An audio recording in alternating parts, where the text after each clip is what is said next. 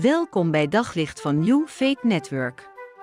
Luister elke dag naar een korte overdenking met inspiratie, bemoediging en wijsheid uit de Bijbel en laat Gods woord jouw hart en gedachten verlichten. Steeds meer bedrijven eh, in ons land zijn bezig met eh, maatschappelijk verantwoord ondernemen, MVO. dus dat je in je onderneming ook rekening houdt met uh, maatschappelijke projecten of met duurzaamheid. Nou, dat lijkt iets heel nieuws, maar eigenlijk is het al heel oud. Um, we kunnen er al over lezen in, uh, in Leviticus bijvoorbeeld. Um, die tekst um, staat in, in het kader van de regels die gegeven werden aan het volk Israël toen zij uit Egypte kwamen en in het land Israël kwamen. Uh, en toen werd het land verdeeld over de twaalf stammen. Elke stam kreeg een bepaald stuk uh, land toegedeeld. Um, en het was in die tijd ontzettend belangrijk, want land betekende dat je kon voorzien in, uh, in je voedsel. Hè, en dat je daar kon wonen. Dus je had land nodig als, ja, als eerste levensbehoefte. Uh, en in die tijd kregen ze ook veel regels mee. Uh, en dat was altijd gericht op goed beheer van die grond en ook ja, om goed met elkaar om te gaan. Nou, en ik wil twee teksten lezen uit Leviticus 19, vers 9 en 10. Die gaan over de oogst. En daar staat: Wanneer je de graanoogst binnenhaalt, oogst dan niet tot aan de rand van de akker en raap wat blijft liggen niet bijeen. En wanneer je bij de wijnoogst druiven plukt, loop dan niet alles nog eens na en raap niet bijeen wat op de grond is gevallen, maar laat het liggen voor de armen en de vreemdelingen. Ik ben de Heer jullie God. Dus wat staat daar?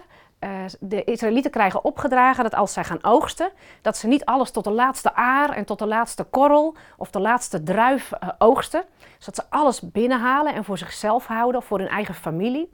Maar dat God hun leert om, om, vooraf al dingen te laten liggen voor de mensen die geen land hebben. De armen en de weduwe. En verderop staat ook de wees en de vreemdeling uh, en zelfs de wilde dieren.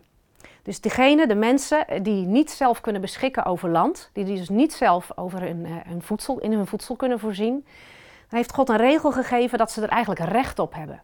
En ik vind dat heel mooi. Zij hoeven dus niet te bedelen en te vragen om, om graan, om druiven. Uh, maar God heeft gezegd: nee, het is een ingebouwd recht voor jullie. Want degenen die land hebben, moeten leren dat die opbrengst niet helemaal alleen voor hen is. Maar dat die dient tot welzijn van de hele gemeenschap. Dus die zorg zit ingebouwd. Nou, ik heb me vaak afgevraagd van wat kunnen wij nou met die regel in onze tijd? Omdat in onze tijd alles is gericht op winstmaximalisatie, op omzetcijfers, om zoveel mogelijk binnen te halen. En dat gaat in de praktijk ook heel vaak ten koste van de armen. We halen grondstoffen uit uh, verre landen waar mensen worden uitgebuit in mijnen. He, om dat voor een hongerloontje of zelfs als slaaf uh, te moeten winnen.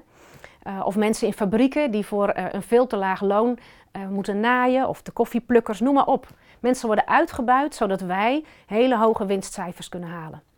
En ik denk als wij deze regels serieus nemen en vertalen naar onze tijd, moeten we kijken hoe wij MVO, maatschappelijk verantwoord ondernemen, kunnen inbouwen in onze bedrijven. En niet gaan voor maximale winst, maar voor maximaal welzijn voor iedereen.